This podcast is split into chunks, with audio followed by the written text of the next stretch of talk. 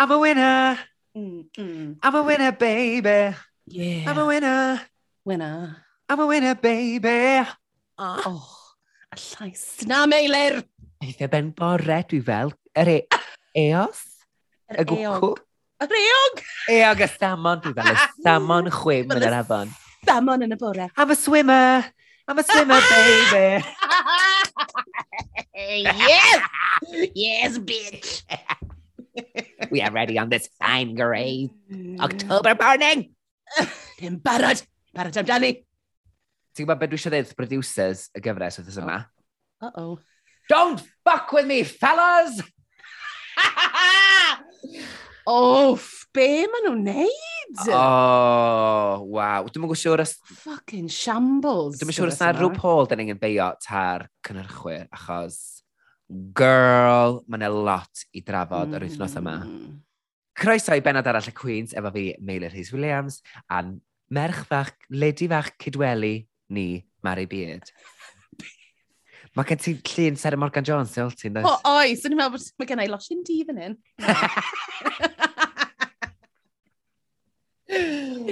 Wel wir. Be nawn ni? A ni, lle bod ni jyst yn siarad yn cyffredinol, be ni jyst yn syth fewn o'r dechrau'r benod, a cos yeah. gonna, i ni gael cyrraedd y bit da ni eisiau cyrraedd.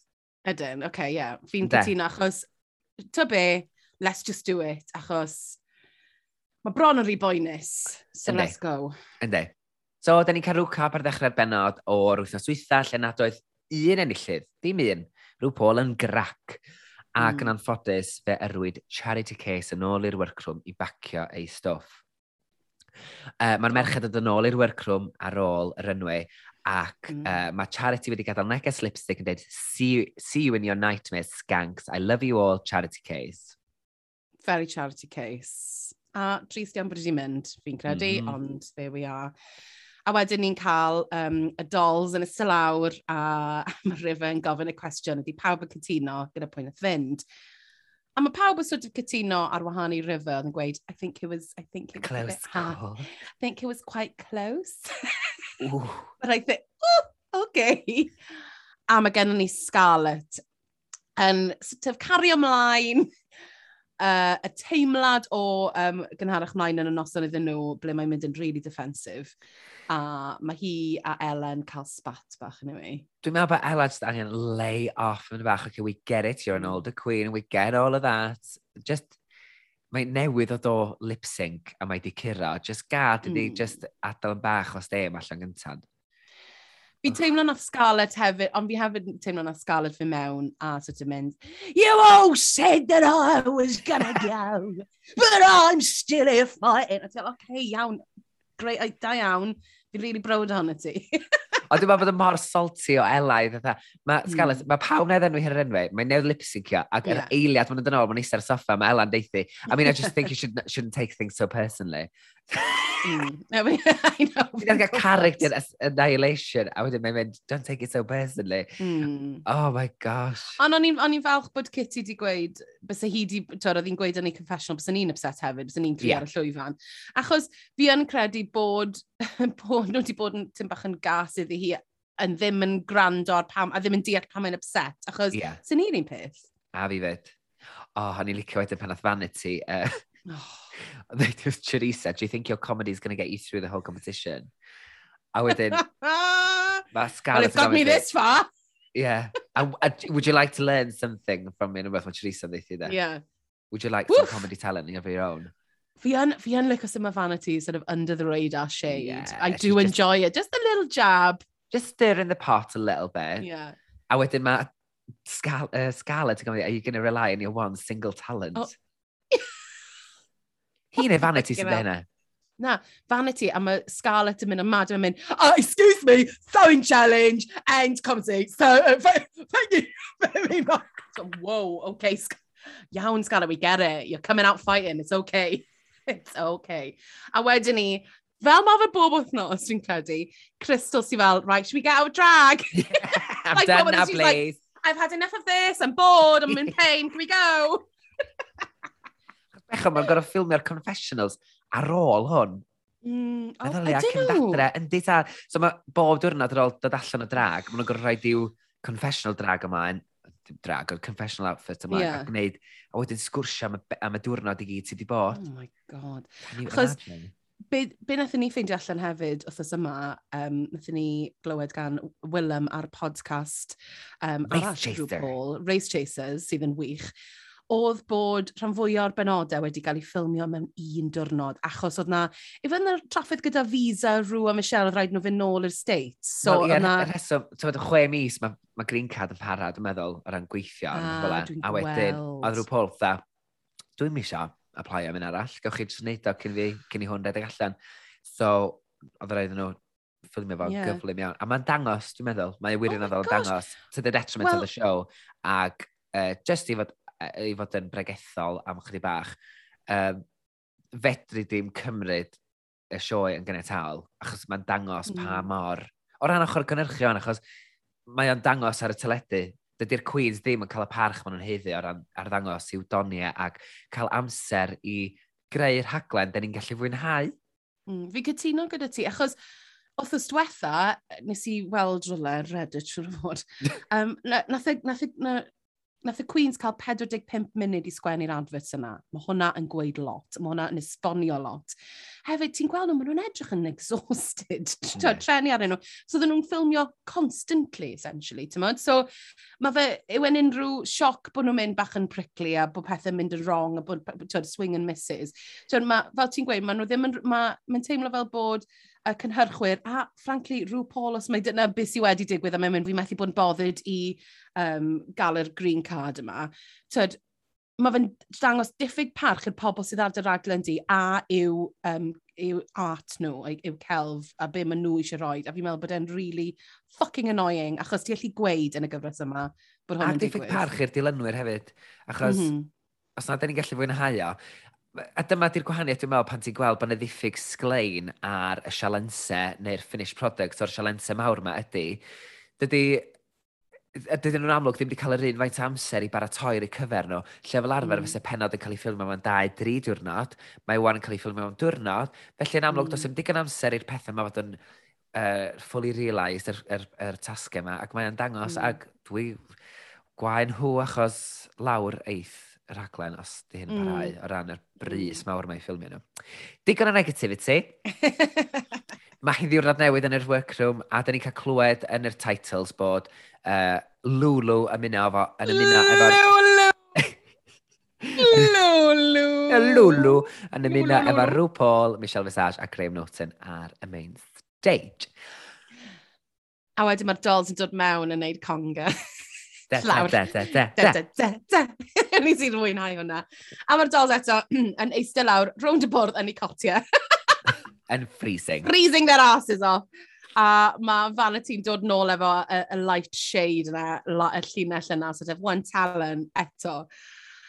Wedyn ni, mae'n mynd mlaen i bwynt ble mae Scarlett obviously dal yn annoyed am y diwrnod cyn. Mae'n dod, mae'n, ti'n mae'n un o'r pethau nath y Queen's weid oedd ti'n dal arno i negativity. a mae hwn yn kind of dangos yn y bit yma, achos mae dal yn dal mlaen i'r teimladau yna. A mae hi a Crystal get into it, a y bit gorau o'r holl benod, Kitty yn canol y ddwy yn edrych arnyn nhw, a just yn absolutely caru bod yng nghanol y ddrama.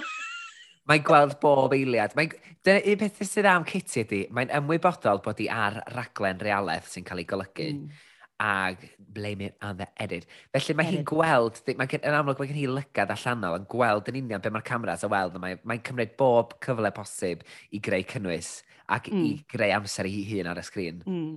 Sydd yn greit, ie. Yeah. A mae ei gyd, a mae ei gyd yn sort of asgafn adoniol. A mae hwnna'n lyflu.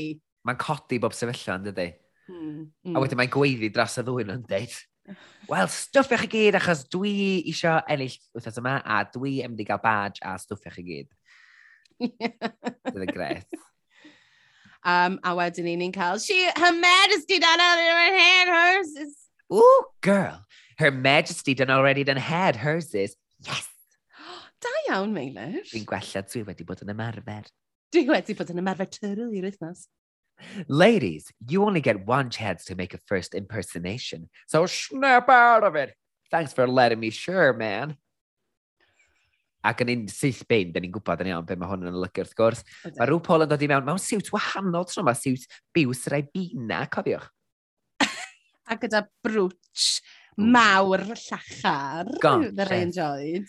Ac mae hi dweud, in the great tradition of the legendary documentary Paris is Burning, the library Library is open, is open darlings, because reading is what? Fundamental. Fundamental. A'r cynta i fyny ydy... Sa'n rhaid i fynd drwy dyn nhw'n agos. Well, allan ni, allan ni weid fy yn hoff rai o hynny? Absolutely. Achos nes i really hoffi Teresa, lot. A fi fyd, yr misdirect i gyd. Oh, hilarious. Crystal Versace, your makeup is busted. Oh, sorry, that was for vanity. Crystal, your wigs are so ugly. Oh, wait, that's Ella. Your tights are so dirty. Oh, fuck you, you bitch. Great. Uh, Oh, Ella, fantastic. hell of a day. You look like a beautiful man in drag. oh Wedyn, my gosh. Um, vanity. Hoff un ges i gan hi oedd Veronica Green, I mean hell of a day. Oops. Oops. Um, River, oh, oh, bechod. It was a bit lackluster, just, come on, babes. Give her some welly. Although I did like the shade or... Sorry, I, I just don't want to say anything in case you interrupt me. Oedd hwnna'n neis, achos o'n i'n meddwl ar un pwynt bod i fatha'n cael moment wan ac methu meddwl am un bydd. Na, oedd hwnna'n fair play. Hwnna, oh oedd hwnna'n sort of, oof.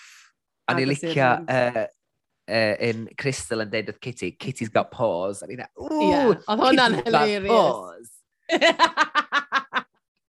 Fabulous. A wedyn Ella.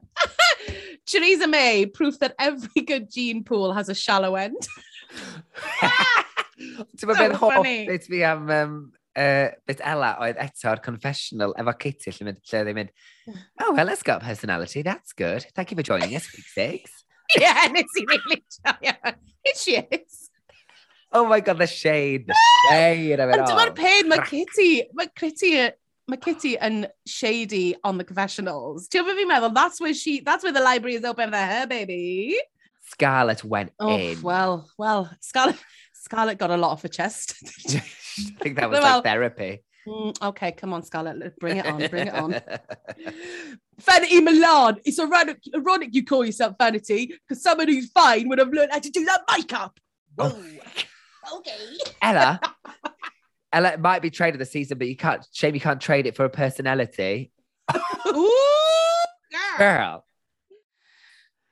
Kitty, Oh, this is really joyous, Kitty. can't wait for your wardrobe to arrive. What's pwynt nath i ddeud yn eto?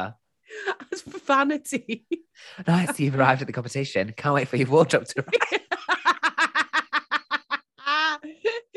A wedyn remember dwi, nes, I nes i really joio hwnna, di fel, I would make a joke about how your name is a river and you're coasting, but you've got more badges than me. So. she read herself. RuPaul Charles, thank you very much for having me. Let me call my lawyer. oh my gosh. Oh, Eto... i really mwynhau hwnna. A fi na fed, achos weithiau mae hyn yn gallu bod yn hit and misses, dydy. Da ni'n edrych ymlaen ar gyfer y Libraries Open a um, y Snatch Game, felly oedd o'n bleserus iawn gweld bod yna ryd llwyddiannus iawn yma. Beth yw dy hoff ryd di of all time yn RuPaul's Drag Race? Um, oh my gosh, mae'n gymaint ohonyn nhw. Dos di gynta, ond i'n feddwl am mynd. Okay. Um, mae da fi loads ohonyn nhw, fi'n obsessed. Okay. Ginger Minge. Bitch, you're shaped like a deep breath. A hwnna yn legendary. Oh, legendary. Pwy ddita dda? Alexis Mateo? Ie, yeah, fi'n credu. Yn All Stars dwythaf, ond de? Ie. Yeah. Ginger Minge is shaped like a deep breath. Like a deep breath. Oof! Ond mae hwnna mor genius. Ydy. Fedri di'n peidio ond chwerthin ar hynny, mae'n hollol genius. Chos mae e just, chos mae an. Be amdano ti? Tyra, was your barbecue cancelled? Cos your grill is fucked up. up! Yr anfarwol, Juju B. Dwi'n meddwl hi ddyn nhw'r bobl fwyaf llyddiannus yn gwneud yr eats mm. ma. Hmm. Oh, absolutely. Chos nath hi hefyd wneud un o fy hoff rei. Legendary, more like leg and dairy. It's more stupid. Ac i Raven nath i ddeud yna fynd e. Yeah. oh my gosh, brilliant. Um, milk yn gweud hwn. Shangela. I always thought her name was Angela, but people were just telling her to shut up. oh my god, brilliant. Oh, funny. Hilarious. Woof! Wff! Mae rhyw Paul yn deud mae Theresa May sy'n fuddugol yn y dasg yma. A sy'n sef wedi gallu bod yn unrhyw yn nhw, really? Y bysa. Y bysa, y blawn river. Oops. A Crystal, sorry. A Crystal. Ti rili really ddim yn licio Crystal, na oes? Na, gyf i ddim. Na, dwi yn. A dwi fi, fi yn hoffi hi. Ti ddim yn licio hi. Fi jyst ddim yn meddwl bod hi mor amazing, mae pawb yn meddwl mae hi, frankly. Mae rhyw Paul yn deud na Snatch Game ydy'r uh, brif dasg yr wythnos yma.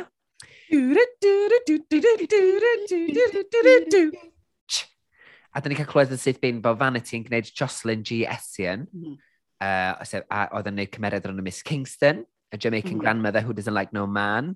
A bod Christopher yeah. Sachi yn gwneud Selina Mosinski sydd yn gwneud Charity Shop Sue.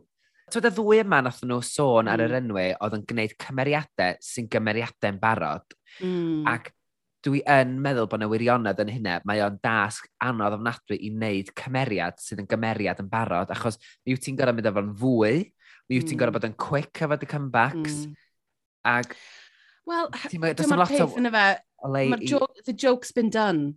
Yeah. So, a mae'n di bod, it's done better than you'll ever be able to do it. So, yn A wedyn mae rhyw yn dod i fewn a yn siarad gyda rhai o'r dolls am be maen nhw'n mynd i fod yn neud. A mae Teresa yn gweud bod hi'n wneud Margarita Bragadan, um, can Torres o Sbaen. A mae rhywun abod i, o'n i ddim, nes i fynd wedyn ni i edrych ar YouTube arni hi, a mae hi'n hilarious, mae hi'n um, fenyw um, eitha flamboyant Sbaenaidd sydd yn canu mewn ffordd ffynnu. Nawr, Meilir, ni gyd yn caru share okay. Ond mae'r obsession yma yn, it's getting out of hand. Fel, ydyn ni wedi cael share reference bob penod? Mae'n teimlo fel e yn y gyfres yma, mae'n wir yn teimlo fel e. A fi fel, okay, da iawn, mae pawb yn caru hi, she's great, ond pam mae rhaid i ni gael yr constant share references ma? I mean, oh. Dwi'n gwybod. Ac hefyd, eto, chyddi bach yn anghyfforddus efo rhywun deud wrth mm. um, Charitha. Dwi'n hapus iawn i glywed hi'n deud bod Charisa'n hilarious a bod gen i comedy timing gwych ac egni humor gwych, ond di deithi fatha, allu di wneud unrhyw celebrity a gwneud o yn dacen sbineg a na i chwerthin. Yeah. Dweud, it's so funny and so stupid. Yeah. Okay. Wel, dyna beth yw e, nefe? Mae'n mae, mae gweud, mae basically gweud, Mac yn ti'n swnio'n really stupid. So, bynnag ti'n neud, fi'n mynd i chwerthin achos ti'n swnio'n stupid.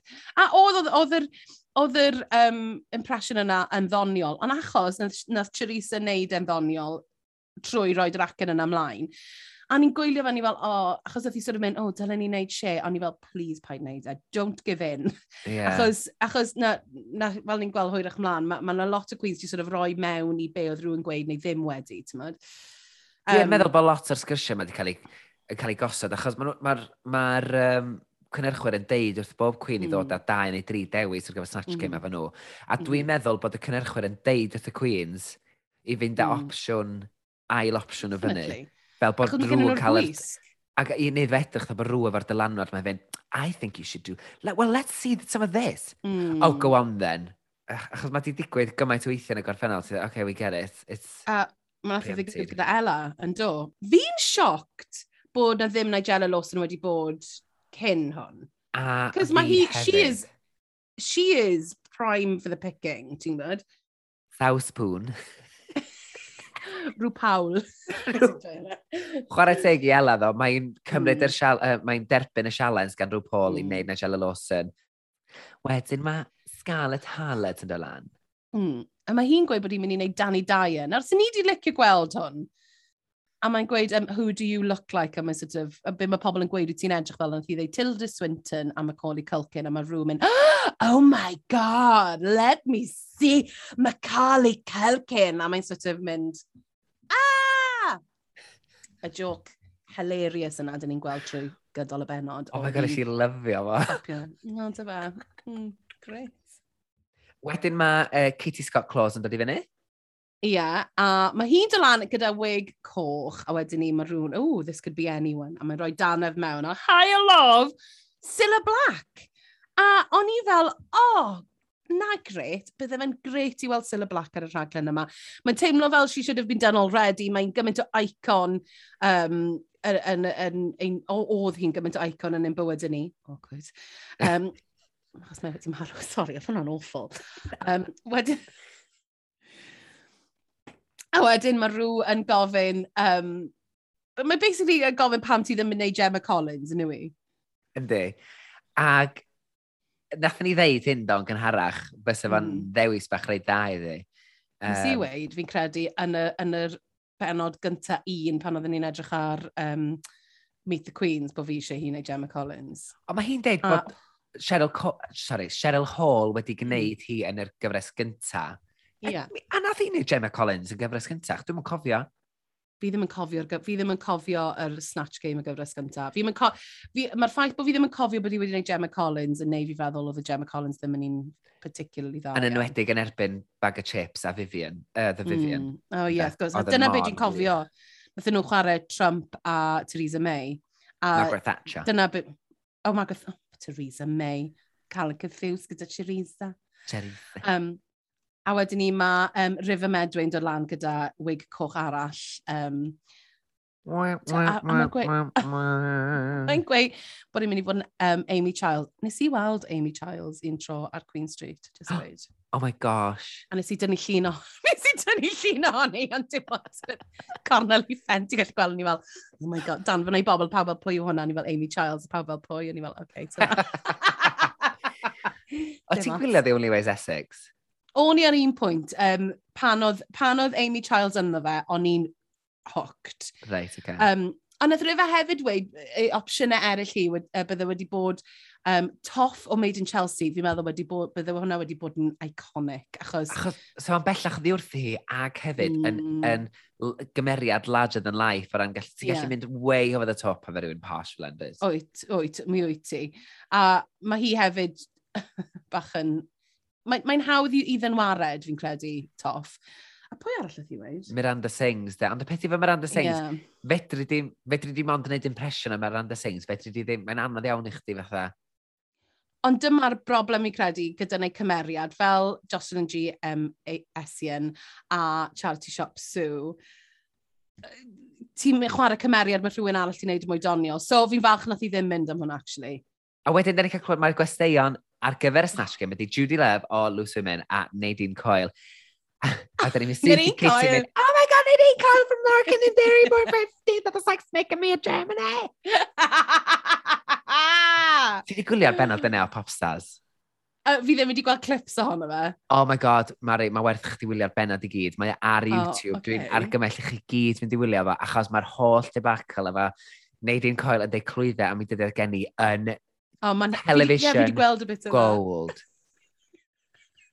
Ond fatha, mae'r producers yn mynd i chwilio amdano, amdano'r passport, mynd i hi fan i stafell, yeah. holi'n ei passport, felly mae'n just yn genius. What did I say? Ma... Did I say make 15,000 sex? of the second? no, no, no, Did I 86 or 80, 82? What was that? Did I... oh, why, why did I say that? Ac yn amazing, ne? Hef, ond hefyd, fi'n meddwl bydde, bydde rhywun, mae'n rhaid i rhywun wneud Nadine Coyle ar, achos mae hi mor, mae hi mor parodiable. A mae hefyd eto un on the joke. Ydy. A hefyd, mae, ond mae gen i hi, mae, mae hi yn yr un ffordd fi'n credu, Gemma Collins bron, mae gen i hi'r stock phrases ma, mae pawb yn gwybod o memes Flyer. a pethau fel na. Flyer. Flyer. Just adding in the flyer. Just adding in the flyer now. Um, yeah, so mae Kitty is living her best life a wedyn ni mynd i...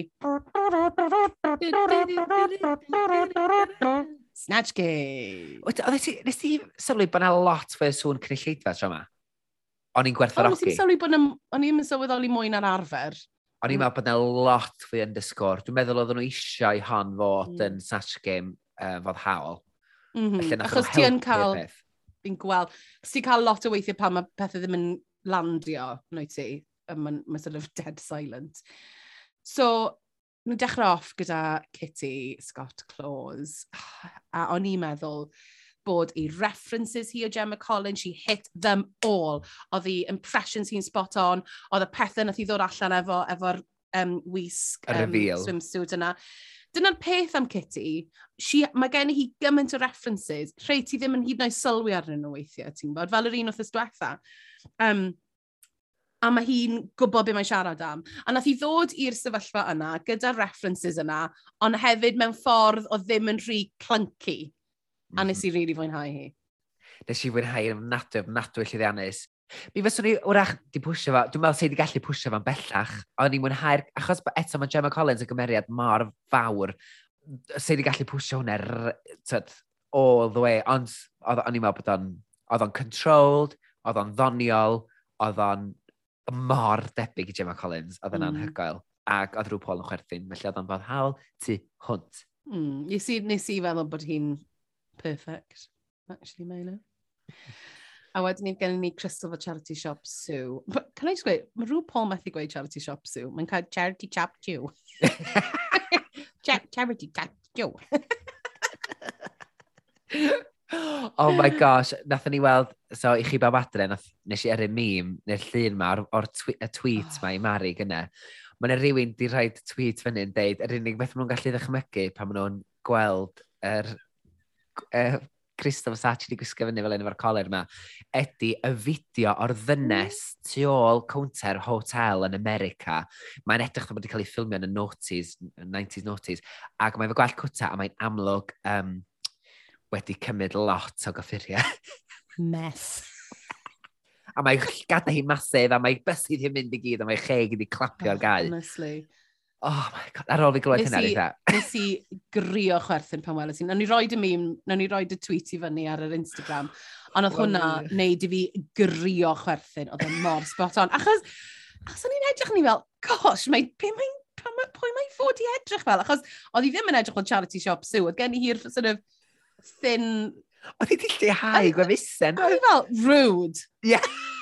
rude. Oedd y wig yna yn busted, sorry. Oedd e'n awful. Ond dwi'n beth nath i wneud i chwerthin, dwi'n gwybod oedd yr comeback sy'n gyd ddim yna, achos y thing da ni wedi trafod yn barod o Charity mm. Shop Sue is Charity Shop, Shop Sue.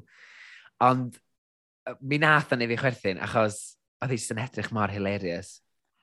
Ti wedi un pethau eraill nath wneud i fi sort of... Oedd e ddim cweith yn iawn ydy dwi methu symud i Gwyneb hi'n iawn, achos bod gen i hi Botox. A mae Charity Chop Soup mor expressive. A fi'n credu dyna un o'r... Achos oedd hi'n neud y gwynebau yma, ond oedd e ddim cweith yn landio, achos mae angen... So, os wyt ti'n mynd i wneud y cymeriad yna, mae angen i ti allu symud dy eiliau, dy lyged. A, a hefyd, nes i ddim clywed, excuse me, lady. Uh, you meant to be on uh, bloody till. Excuse me, lady. Excuse me, lady. A ti'n gwneud hynna unwaith, neu no. mae'n siŵr bod i wedi ond we didn't hear it. No. Ond gyda ni lot o dalens. Dalen. A wedyn, nathon ni gael Choritha May ar y pen, di gwisgo fyny fatha, uh, beth ydy si? Margarita, Margarita Pracatan. Pracatan!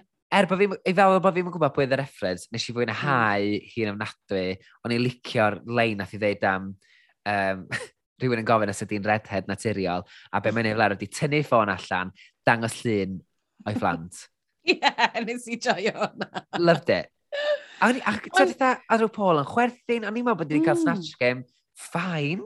Ie, yeah, oedd e'n ffain. Dyna beth oedd e ddo, oedd e ddim yn, sa'n meddwl oedd e wedi mynd i'r pwynt o elevated.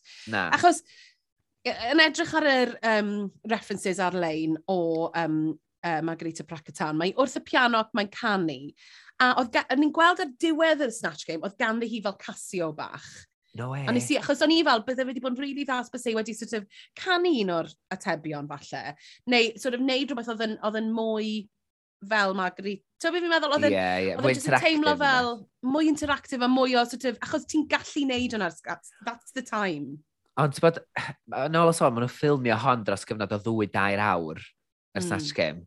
Ac dwi'n meddwl bod y narratif o'r ffaith bod Charitha heb wrando rhyw Paul a newid i chymeriad yn wahanol i uh, mm. Gemma Collins yn wahanol i Nigella Lawson, yn wahanol i Macaulay Culkin, oedd i gyd yn llwyddiannus, yn ôl, wel, wrach ddim i am, twyd, yn gyffredinol i gyd yn llwyddiannus. um, mae yna narratif fan hyn yn does i wrando, da, da ni'n ni dall fan hyn, mae'r rhaid chi wrando rhyw Paul. Rwy'n Paul yn dweud rhywbeth. You know, she's the one you need to please, so listen Sing. yeah, to the song here in my heart.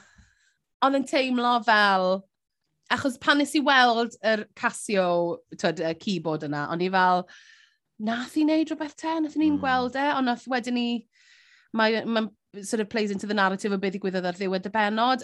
O'n i'n teimlo fel bysau hi wedi gallu wneud mwy, falle nath nhw ddim dangos e ddo. Ie. Yeah. Uh -uh. Be wedyn am Macaulay Culkin, sef Scarlett Hallett? Come on, Mary, mm. spill. Be, be o ti'n meddwl gyntaf? oedd e just mor irreverent a uh, gwirion ag dyma di peth, ti unain, mae yna ddwy ffordd yn ei snatch game, ti unain gyda bod yn hollol, hollol, stupid a ddim math o synwyr, a mae hynna'n gweithio efo rhyw Paul, mae rhyw Paul yn mm-hmm. mm. chwerthu'n hynna, neu mi wyt ti'n gorau bod yn ffraith ac yn gyflym efo dy comebacks, mm. fatha Nigella Lawson, fatha Gemma Collins, ac ni nath, tyd, yn amlwg, dysgala talent dwi'n credu dod Scarlett Hallett ddim wedi paratoi i fod yn Macaulay Culkin. Doedd ganddi hi ddim y references, and she just went, mae rai fi jyst bod yn stupid fan hyn, achos gen fi ddim byd i ddeud, mm. so she, nath i just sgrechen. Mm. Um, nes i feddwl bod e, nes i feddwl bod e'n ddiog. Nes i feddwl bod e, um, yn, nes i, unwaith mae'r joc yna wedi cael ei wneud, o'n i fel, oce, okay, fi'n beth arall sy'n gen ti. A'n unig beth arall sy'n ganddi hi oedd quotio'r ffilm, So I was looking, a... I was ah. looking forward to the scream. O, o ti fel Michelle yn edrych mlaen. Nes i, nes i ffeindio fe yn uh, hynod o ddiog. Ond na bobl eraill ar y panel, o'n i'n meddwl wedi, o ddim yn sort of top, a o leoedd ganddyn nhw bach o bloody improvisation. Oedd ganddyn ni hi efo yr stoc pethau hi wedi meddwl am yn barod gyda Macaulay Culkin, a I hated a mail it, o'n i'n casau, a bob tro oedd e ar oedd yr e'r camera arno hi, o'n i fel, oh, ond Ti'n fawr ffordd nath i ddweud, o oh, Michelle Visage, fatha, fel oedd y blanc amdani perfum i, as, a wedyn just, cyn i ti allu, just, ah! cyn i ti allu digestio beth i'n newydd ddeud, just sgrechi ar y tig. Ie, Meilir, oedd hwnna'n wylltio fi. Achos o'n i fel... Oh my god, eisiau cacla. O, do fe? Do, nes i cacla, eitha beth sy'n fynd ymlaen. Oh, well. Oh, nes eh? i ddim, nes i, nes i ffeindio fe, o'n i fel, oh right, aha, fi wedi gweld y joc yna. Okay. Wel na, digon ti. Ond mi deall beth ti'n gweud, eh, mae fe yn yr efryd, mae fe'n neud hwyl am benne, ond o'n i just, fi'n annoyed achos bod fi'n gwybod bod yna bobl yn y gweilod, dyle ddim wedi bod yn y gweilod, a nath hi ddim cael, she got an easy fucking ride weithiau ni'n cytuno, ond weithiau ond weithiau ni ddim yn cytuno. Ddim. Weithiau ni'r un peth, ond weithiau ni, ni ddim. oh, God. A fes ymlaen, wedyn gafon ni um, uh, Jocelyn, Vanity. sef Vanity. Be ddeth ti feddwl um, Jocelyn? Miss Kingston. Fi'n meddwl oedd yn bwysig iawn i wneud y cymeriad yma, achos oedd y rhaglen um, Little Miss Jocelyn ar BBC, oedd yn oedd yn dangos comedi di gyda cymeriadau di um, unashamedly, tyd, that's what it, that's what it was, and oedd e'n really rili ddoniol, gath ei ganslo. So, er fi'n credu, oedd e'n, na fanity just wneud ac yn Jamaican, essentially. Oedd y ffaith bod i yna wneud y cymeriad yna, fi'n meddwl yn bwysig. Ond, os ti sôn am y perfformiad i hun, o'n i'n teimlo fel ni'n gweud bod i just wedi wneud ac yn Jamaican a wedi dod â geiriau mewn, o'n i ddim yn meddwl bod e wedi dod â'r cymeriad yna, doniol yna, sydd yn sort of bach mwy confronting a bach mwy sort of, um, uh, yeah, bach mwy whatever. Ond ni jyst yn teimlo fel, o, oh, drenu, ond to be, I'm going to give her a pass. O'n i'r peth o'ch nes i fwynhau o, um, yr unig beth ytha, y jokes gafon ni weld, a jokes mae hi di deud yn barod yn y mm. workroom amdano Dirty, Dirty Rice. Rice. Ti dda, oce, okay, gret. Um, mae'n bech, achos mae'n colli'w impact yn yr un ffordd pan mae rhywun yn ail adro joc ar y Snatch Game, mm. mi o'n i wedi clywed yr, yr, yr reference yna gan Vanity yn gynharach yn y gyfres, felly doedd o mm. ddim yn fresh i fi. Na. Dyna'r unig beth eisiau dweud. Ond, ond so, nath i ddelio'n dda efo'r cwestiynau, nath i ddelio'n dda efo'r atebion. Ie, yeah, ffain. Hmm. A wedyn ni gynnu ni River Medway fel oh. um, Amy Childs Drian. Drian, o'n i'n teimlo, oh, Oedd hi'n blank Oedd hi'n, ti'n gallu gweld hi'n blank, a, a nath hi sort of, y camgymeriad nath hi wneud oedd dod arno fel Only Ways Essex pan mae gen ti Gemma, Kitty neu Gemma Collins sy'n mynd i fod deg gwaith yn well. Ac yn fwy, ac yn fwy o mm. egni, ac yn fwy o references, mwy o one-liners. Yeah. Oedd hi'n edrych fel i? Oedd hi'n edrych yn gret, but that's, yeah. not, that's not what the snatch game is, is it? Mm. Necessarily. Ond pwy oedd yn ddoniol, o'n i'n meddwl, oedd Elef y Day yn gwneud Nigella Lawson. Oedd y look yn oh wych, oedd oh y bronau allan. A pan oedd hi just yn riffio, dyna beth, y darn fwy o glorious yn yma, oedd hi just yn y yeah. cymeriad really gorgeous na. Mm. A, a oedd hi ddim allan o cymeriad, na. Oedd ddim allan o cymeriad unwaith. A be, be nes i ffeindio oedd yn... Oedd hi mor glyfar gyda fe. Achos be nath i ddim wneud, be mae lot o bobl yn wneud pan maen nhw'n wneud yn dywared Nigella Lawson, ydy mynd gormod ar gyfer yr, uh, yr innuendos. She just did it, ond nath i ddim wneud e mewn ffordd overt. Na, achos y peth, pe sy'n ddoniol go iawn am Nigella Lawson ydy'r ffaith, she doesn't go there. Yeah. Everything she says is so sexual suggested. yn y ffordd a suggestive. Ac yeah. oh, this cream just plopped on my finger here. Ond be mae'n ddeud ddim yn ddoniol. Sy'n gallu bod yn siarad am wei di cracio. Yeah, bysa. Cracked a egg down, it dripped all over my kitchen counter. A Dyna sy'n oh, mor ridiculous yn dan hi, de. Oh my god, diolch. Sexy. um, a dyna be nath Ella wneud. Nath i manager i wneud yr innuendos yn ddim mewn ffordd sydd yn really... Just fatha... Filthy. Bitter. Um, ac o'n i lyfio pan i saws, saws pwn neu beth o'n o A rŵ, rŵ Pawl. Rŵ Pawl. My, a wrth gwrs, the classic microwave. Oh my gosh, a nes i really enjoy yn y dyn coel. Gweud, um, oedd rhywun gweud, uh, she can kill a man with one quick what? Y dyn coel jyst yn mynd, dick drop! Ateb un o'r cwestiynau. She is there Yes, to drop. have fun. Oh, dick drop! I know with extensions seem awful, but anyway, moving Oh. on. They were crispy. Oof, oof, Sorry. girl. Anyway, dyna ddiwedd y Snatch Game a dyna ni'n cael clywed mai yr enillydd ydy The French. I mean, yeah. they've got great cheese. Digon gwir. Uh, Diwn wedyn, mae merched yn paratoi ar gyfer y runaway. Ac, uh, neu, rhan diwrnod wrach yn y prawn. Siwr o fod yn, well, no. who knows. A mae Vanity yn troi rown, definitely yn hollol spontaneous, yn neb wedi weithio hi wedi e mynd, do you know what's funny about the Snatch Game? You have to play a character. Now, that reminds me of being young and pretending to be straight. O'n i fel, oof, I mean, wow. they are pressed for time, achos mae'r transitions yma mewn i'r mewn i'r serious chats yn breakneck speed. Be, dwi'n meddwl gallu dall, pan bod producer di mynd, ask them what age they were when they came out.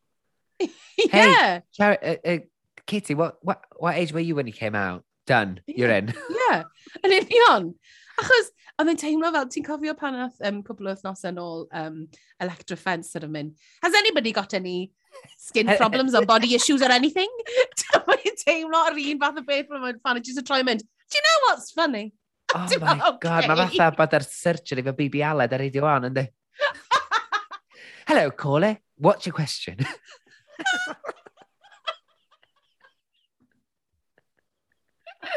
God, mae hwnna yn reference. Dydy? Straight in there. Oh, flop Ond fe, nath, nath yr... I fi, fel person hoio, nath y hmm. sgwrs... Fel arfer, dydy'r sgyrsiau yma, dwi'n gallu gwerthfarogi nhw. Dyfa lot o'n nhw, dwi ddim yn gallu neithi. Mm. Dyfa'r un yma, nes i rili eitha mynd, oh my gosh, yeah. Ac yn yr cyffyrddiadau, touching ofnadwy yn y sgyrsiau amdano, Kitty'n deud bod i'r rhieni hi wastad i ddeud dwi wedi gorfod dod allan, oedd yn hyfryd. Mm. A wedyn, hmm. rhai eraill yn dweud bod nhw wedi cael fwy o amser caled yn dod allan i'w rhieni. Ac y bellach feth, rhywbeth sy'n lot fwy modern, dwi'n meddwl, falle, ydy, neu ddim modern, fwy diweddar, da ni'n clywed fwy am hyn, ydy, uh, Crystal yn dweud sut bod ei thad hi ddim efo problem o symesio efo'r drag, ond efo'r ffaith bod, bod Crystal yn gwisgo make-up fel hogyn o ddydd i ddydd. Mm. A hwnna ddifur yn fel, achos mae hwnna rhywbeth gwahanol a fel dwi'n dweud, fel rhywun sydd Tyd, fi si'n lwcus ofnadwy pan o'n i'n tyfu fyny, ges i rioed daffeth a nes i allu dod allan a cael, cael dim problem, ond oedd mm. uh, gan fy rhieni, ond oedd gweld... Ac ti'n meddwl, gyda fi lyniau na fi'n gwisgo fyny fatha mewn wigs a heels as pawn i fach a ti'n sylweddoli pan mae'r lwcus. Oh my god, I'll put it up on, I'll put it up on the ground. Please put them up, yes. A wedyn, um, ond eto, ie, yeah, y thing ma, ac hefyd, so dwi'n dwi gwisgo heels a ffrogiau falle ar lwyfan ac dwi mor lwcus bod teulu fi wastad i bod ta. Mm. Oh, here he goes again. a mae ma, ma, ma sgwrs difyr i chael, yn edrych oh, bod fwy o deuluoedd a bobl o wahanol gefndirau yn gwylio rhyw pôl o'n. Mm. A o'n i'n meddwl bod e'n really touching pan oedd Scarlett sort of weid um, am bod hi'n bod hi wedi bod yn trio cuddio y rhan yna i hun a bod yn ofn bod pobl yn mynd i wybod bod hi'n gay, ond nawr nath i benderfynu fi yw'r person mwyaf uchel yn ystafell, fi yw'r per person mwyaf out there ti'n mynd i gael. A hwnna yn really lovely o'n i'n meddwl. O'n i fel, oh, na, na neis. True acceptance o dy hunan i fod na. Okay, well, I'll be the, I'll be the loudest. And apologetically me then, yeah. Absolutely. Love that. A, a fi, um, a wedyn ni, gethon ni sort of stori Ella sydd yn, actually rhywbeth fi'n meddwl sydd yn digwydd lot ble oedd yn, oedd yn trio byw bywyd straight am lot o'i fywyd, a wedyn ni um, dod allan bach yn hwyrach a, achos oedd yn poeni am be oedd i rieni yn mynd i weid, am be oedd tyd, pawb yn mynd i weid. A, a delio efo'r internalis homophobia na fyd da, a'r cwilydd. Well, that, that's it. Yr un peth, nath hwnna um, ddod fyny efo rifa hefyd, the internalis homophobia yma, sort of bod, bod bod yn gay yn rhywbeth disgusting, ti'n mynd? Mm. Mae'r yeah, ma, ma sgwrs yma, fi'n gwybod bod nhw'n forced, ond bloody hell, maen nhw'n siarad yn bethau da. Ynddi. Ac pan maen mm, when they get into it, mae o'n, ti'n cael at gig y peth go iawn wedyn, dweud. Mm. Wyt. Den. Den, den. Den,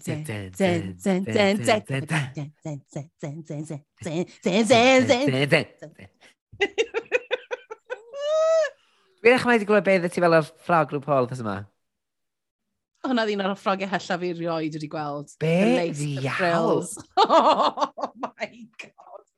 O'n i licio'r weg, y weg gwyn, Ie, yeah, mae mae gwallt i wastad yn greit. Ti'n yeah. as in, you can't, you can't fault it, ond... O'n i'n licio'r silhouette hefyd, but that's about it. Oedd Michelle yn edrych yn amazing. Carin oh, outfit. fit. O'n i fel, thank god, dyma Michelle. Yeah. Dyma be fi moyn. Fi ddim eisiau frumpy mum at y wedding. Fi moyn...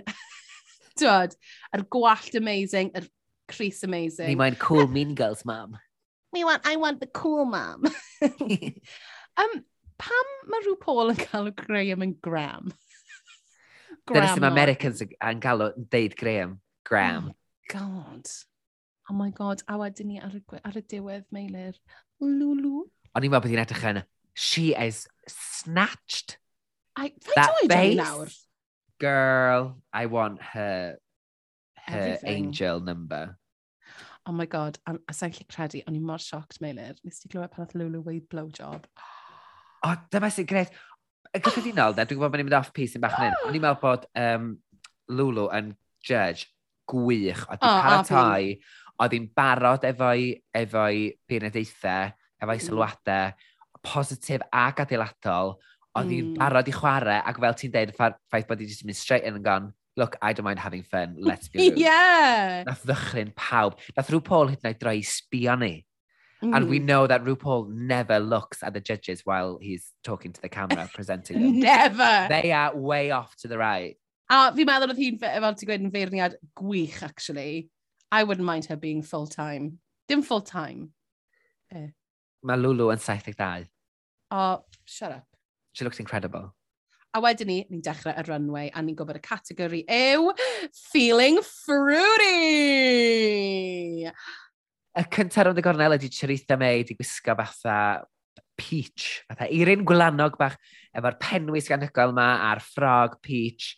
Um, mm. O'n i wrth y modd efo'r outfit. Yr unig beth oedd yn oedd yn uh, y weird dan y golau oedd yr sir ar y fres pan oedd hi'n codi breichiau.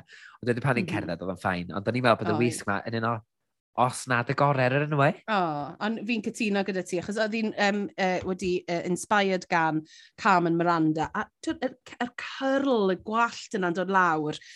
O'n i'n meddwl bod yr, er, yr er, uh, manylion just mor lyflu, yr, yr stickers yna ar ei ffenol hyd yn oed, smod. A oedd yr ffrog yna'n edrych fel eirin glanog. Oed. A dyna be, o'n i'n meddwl bod yn absolutely beautiful. A na, fi'n fi meddwl mai dyma un o'r looks gorau na ddod lawr y runway i Feeling Fruity. O'n i'n meddwl bod hi'n beautiful. Gan gofio hynny, ddwn ni'n ôl at hynny wedyn, ond mm. mm. runway mm. successful, snatch mm. game boddhaol. Thank you very much. No ni symud ymlaen. Diolch fawr iawn. Diolch fawr iawn, Theresa May. Um, a wedyn ni mae Crystal yn dod lawr um, wedi gwisgo fel dragon fruit. Mae gen hi um, sort of, yr un silhouette mae Michelle yn gweud, mae gen hi'r un sylweta oedd gan hi yn y sewing challenge. Nes i feddwl yr un peth. Um, nes i licio y lliwiau, nath i roed i ni, it was dragon fruit, definitely. Ond, o'n i'n bod. Ddaedden ni ddim. Ti'n hoffi fe ti? Oh, e, dwi'n bendant derbyn mae di wneud y silhouette mae blaen. Uh, mm. Oedd o'n union yn peth o ran silhouette a um, er camping crafty challenge. Ie. Yeah. Um, ond da ni, ti'n fatha, mae'n jyst yn edrych, mae mor satisfying i sbio yna fo, mae'r lleder, mae'r corset sy'n neud allan mm. yna fo, a'r gwahanol liwiau yna fo, efo'r mm. wedyn yn erbyn yr catswt gwyn a di, efo'r ponytail uchel ma, does fit the brief. Fi eisiau gweld rhywbeth arall ganddi, fi eisiau gweld rhywbeth bach mwy, naill out of the box, neu rhywbeth bach mwy... Avant-garde avant-garde, glamorous. Fi eisiau gweld i mewn ffrog. Nesa, mae Scarlett Hallett uh, yn dod mewn rhyw ffrog fawr werth a wig hir gwyrdd heb i frwsio. Efo frills. Yeah. yeah, wet lettuce is correct. Yeah, oedd e'n, mae'n edrych fel wet lettuce. yeah. Mae fe'n ma fe teimlo fel bod hi'n completely swamped yna fe. A dwi'n mwyn gweld referent i lai mewn blawn dan y lliw. Se, se wna'n lliw coch? Dyna beth yw e. I'd be like, What oh, is yeah. it? Strawberry. Yeah. Yn allol. Dyna'r unig reference gan hi laim oedd y lliw. Ond mae'n edrych fel bod i sort of yn, yn boddi ynddo fe. Na, nes i ddim mwynhau yr outfit yma o gwbl. Na fi chwaith. Ac un arall nes i ddim mwynhau oedd River Medway ddoth rownd, rownd y gornel mewn be o'n ei gallu ond y disgrifio ddoth a hanner coconut. A'r oh ffrwythau bach mae hyd i'w Mae gwyneb gwynebau a'i gwallt i fel ag yr arfer yn gorgeous. Oh. Ond, O'n i'n licio e- from the waist up, ond uh, it was giving me tea a coffee ice cream yn y gyfres diwetha. Ond yn teimlo, fel mae Michelle yn gweud, neitha e crafty. Ond y broblem yw, so, and not in a good way. Chos oedd hi'n neud um, yr, er, yr er fowlen yma, ti'n kind of gallu gweud, oedd yn teimlo fel hoop skirt sydd wedi cael ei droi upside, upside down a wedyn trio Ond yna... Mae fe just, oedd e just e ddim yn iawn, oedd e?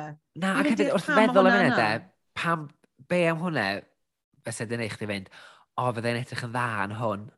Mm, Mae'n teimlo'n really rushed yr outfit yma. Ac o ran cynnal silhouette, rhyw fath o silhouette, mm. so allu di fod yn grefftus, allu di fod yn wahanol, ond os ydy o'n, os yna ydy o'n waw, mae'n tynnu mm. silhouette i'r ffaith bod ni, bod ti jyst yn sefyll mewn. Mae fe'n edrych fatha Polen. O'n i'n caru from the waist up. O'n i'n meddwl bod e'n fun, fruity. Um, oedd hi'n edrych yn gorgeous, o'n i'n meddwl. Ond na, mae'n jyst yn drenu, achos, ie, yeah, mae'n drenu. Yep. Wedyn ni, um, gathen ni Emma a Day yn dod allan mewn classic, classic RuPaul reveal, ble mae rhywun jyst yn dal rhywbeth rown nhw. Cerdded mas, a wedyn ni, golling y thing, a nawr mae hi'n watermelon! Ond ti'n gwybod beth dwi'n meddwl oedd hwnna'n de? Achos oedd gen i, oedd gen i twyd y shimmer ar y gwyrdd, Yeah. Fel arall, ni ddim wedi weld o, so dwi'n meddwl dyna pam wnaeth i ddangos o. Wel, ie, yeah, dyna pam wnaeth i ddangos e. And, and obviously, wedyn wnaeth i wneud e mewn i sort of cape yn do, wedyn wnaeth i adl efo fynd. Um, a wedyn ni ddim mewn yn yr, yn yr bodycon ffrog yma, sort of neon pink efo um, uh, seeds yn dangos yn fe. A wedyn ni, wedyn oedd yr bit yna, sort of, yn redundant wedyn ni, tu ôl iddi hi. O'n i'n teimlo bach yn... O'n i'n teimlo bach yn short change gyda hwnna, achos o'n i fel yeah, nes i really fwynhau yr outfit yma. O'n i'n meddwl bod y pink yna gorgeous, o'n i'n lyfio yr accessories for once, nath i, she got the accessories right. Ond oedd e jyst yn teimlo fel, a wedyn ni ddyn sort of cerdded rownd a ddyn sort of llusgo'r thing. oedd yn bink ti fewn eto. Ran yr outfit a'r gwall a bod ddim o'n i'n meddwl bod o'n gorgeous. Ac mm. nes i weld bod gen i wynedd watermelon hefyd. Do, mi nes i. Fatio'r necklace a bod ddim gorgeous. Mm. Wedyn mae Vanity Milan yn dod yn y gornel efo, eto, efo penwisg di wneud allan o wallt, ac mae'n edrych dda polen ffrwythau. A wedyn efo'r ffrog coral orange yma efo, mm. uh, efo llewis ruffles mawr. Samba. Nes, nes i mwynhau'r outfit yma. A ni'n meddwl bod o'n lan, a ni'n licio'r esgyd efo fo, a ni'n meddwl bod y colir yn gorgeous, oedd y penwisg, y penwisg oedd y feature, ac oedd y mm. ffrog yn matcho'r egni carnifal yma hefyd. Ac nes i fwynhau o fawr totally cytuno fy ti. O'n i'n meddwl bod yr, yr penwys gyna yn really impressive. Hi nath yn neud hwnna hun. A hyd oed touches bach fel yr um, earrings gyda calon, uh, earrings calon, o'n i'n meddwl oedd yn lyflu. Oedd Michelle ddim yn hoffi'r necklace, ond on, nath e roi reference um, o sort of um, mam um, Africanaidd fel wedodd hi yn, uh, yn Llundain. Now, I loved this outfit. O'n i'n meddwl bod e'n lovely, fun, fruity, flirty, loved it. Ac yn ola, mae gennym ni higan fach goch meets cherries. Um, mae Kitty'n dod lawr y runway. Mae hwn yn amlwg y wisg arall. Mae hwn yn amlwg y wisg arall. Mae hi wedi mynd, oh, I haven't got that outfit. Do. Do. Nath i ddweud Poison Ivy, Little Red Riding Hood, veins. What yeah. is going ma, on?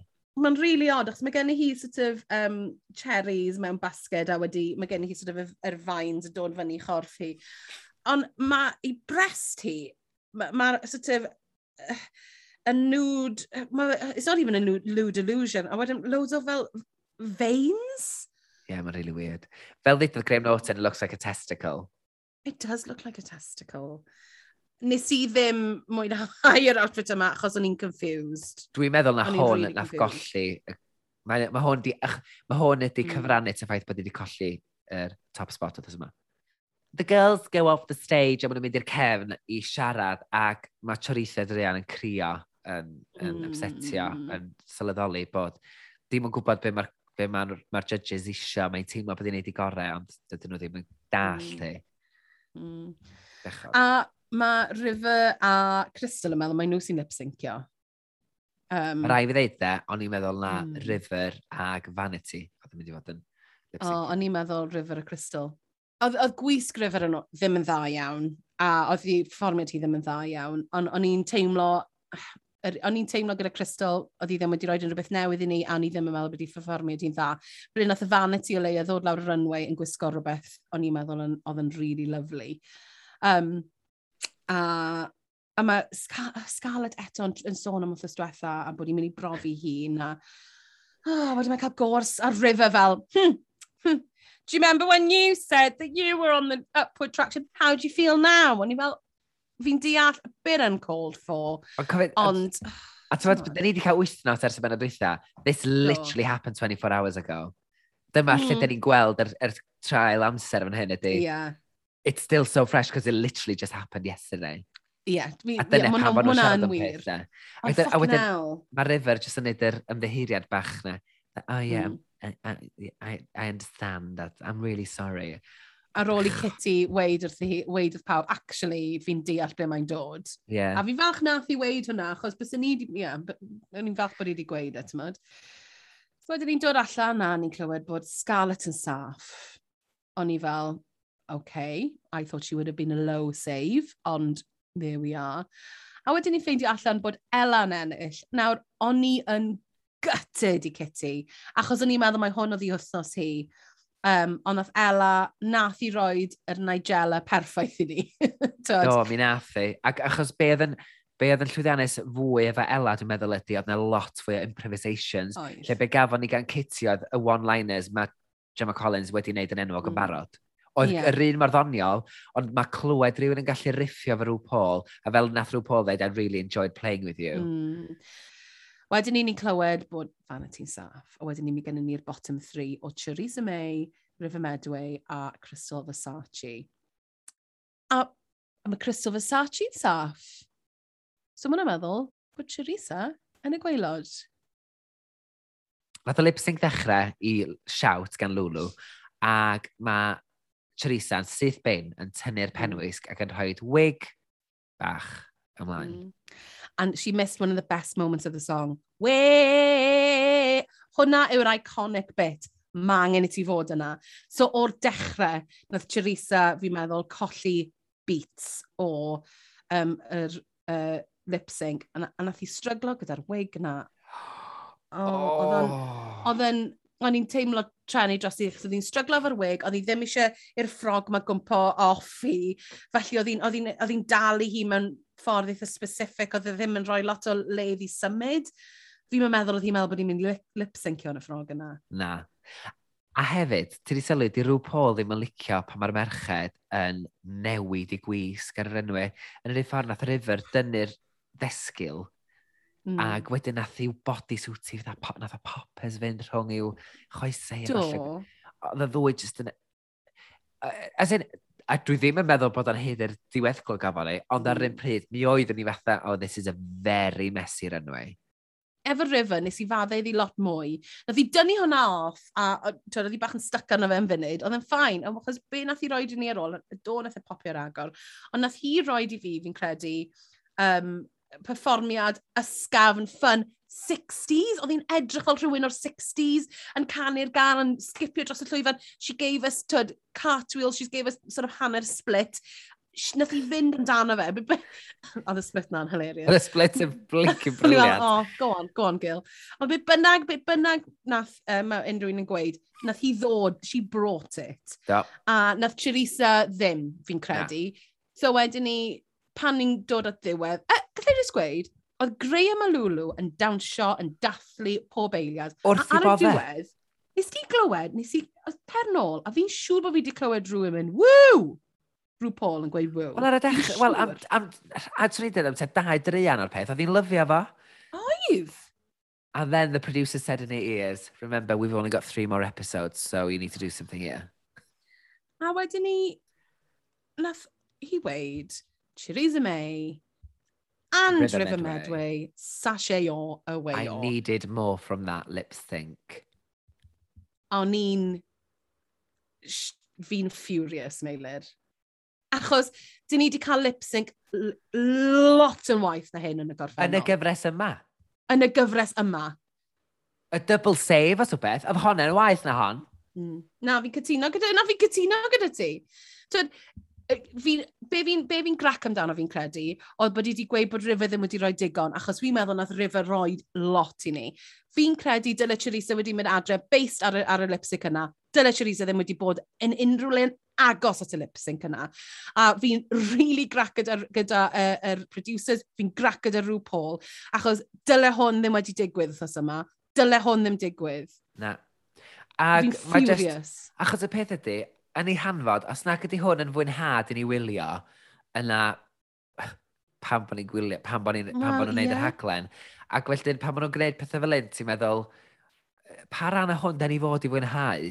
Mm. Achos, da ni'n gweld y Queen sy'n gwneud y dda, sydd yn gymeriadau cry ar y rhaglen, yn cael i'w trin yn wael iawn gan y sioe, mm. a dydy hynna ddim yn mm. bleserus i wylio. Felly, get your act together.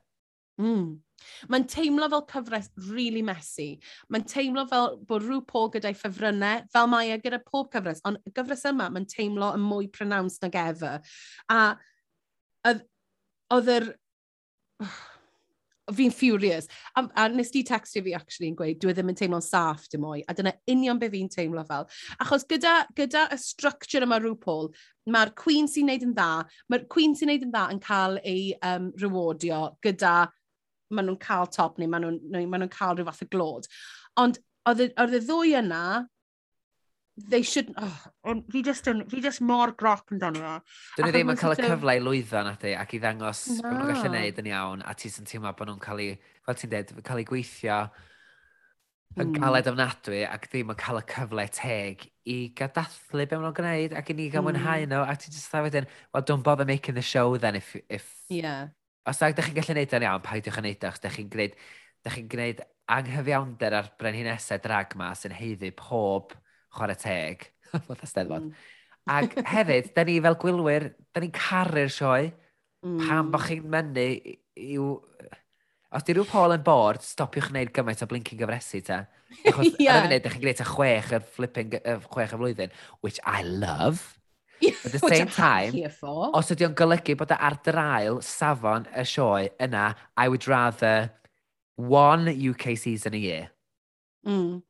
Neu, controversial, meilir, falle bod rhyw Paul ddim yn cyflwyno y rhaglen UK, achos weithiau fi'n teimlo bod y references goes over a head, weithiau fi'n teimlo fel, fel yn, yr, yn y snatch game, pa e mor dda bydde wedi bod i gael Alan Carr yn neud y uh, Snatch Game.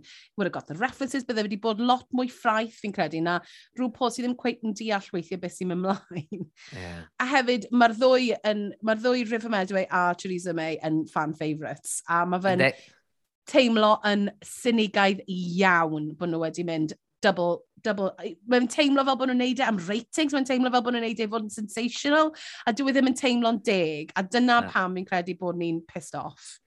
Ac mae'r mateb wedi bod yn, yn, yr un peth across the board, dwi'n meddwl o ran gwylwyr. Ish.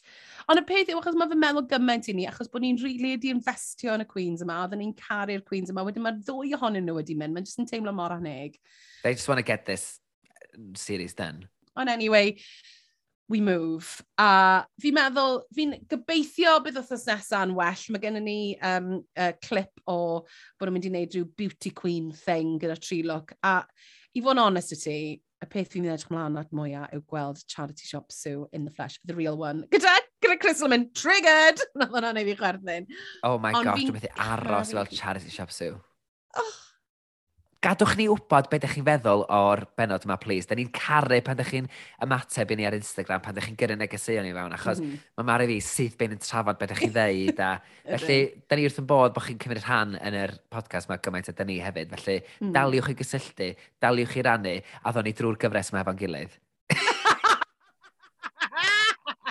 Law yn llaw. Gobeithio. oh, we got through it, Mari.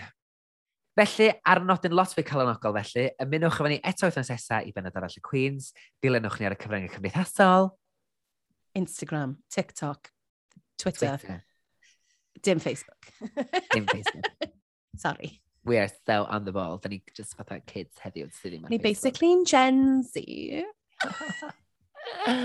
Ni'n Gen Z. Tan wythnos nesaf felly. Llanw lladd... Llanw lladd... Llanw. UK, hon. UK Han! ah! Tan y thas eitha...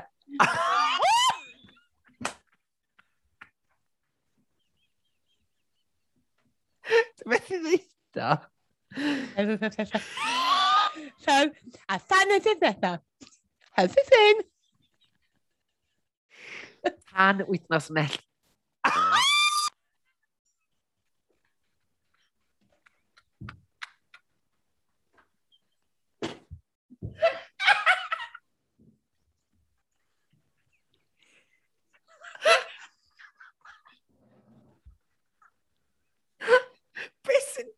digwydd.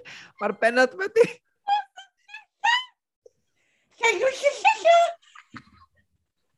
Mae'r benod ma di ffrio mreni.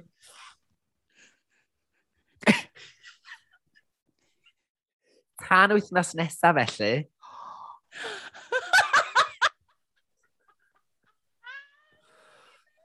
Oh. Fucking hell. Hwyl ti, Queen. Hwyl ti, Queen!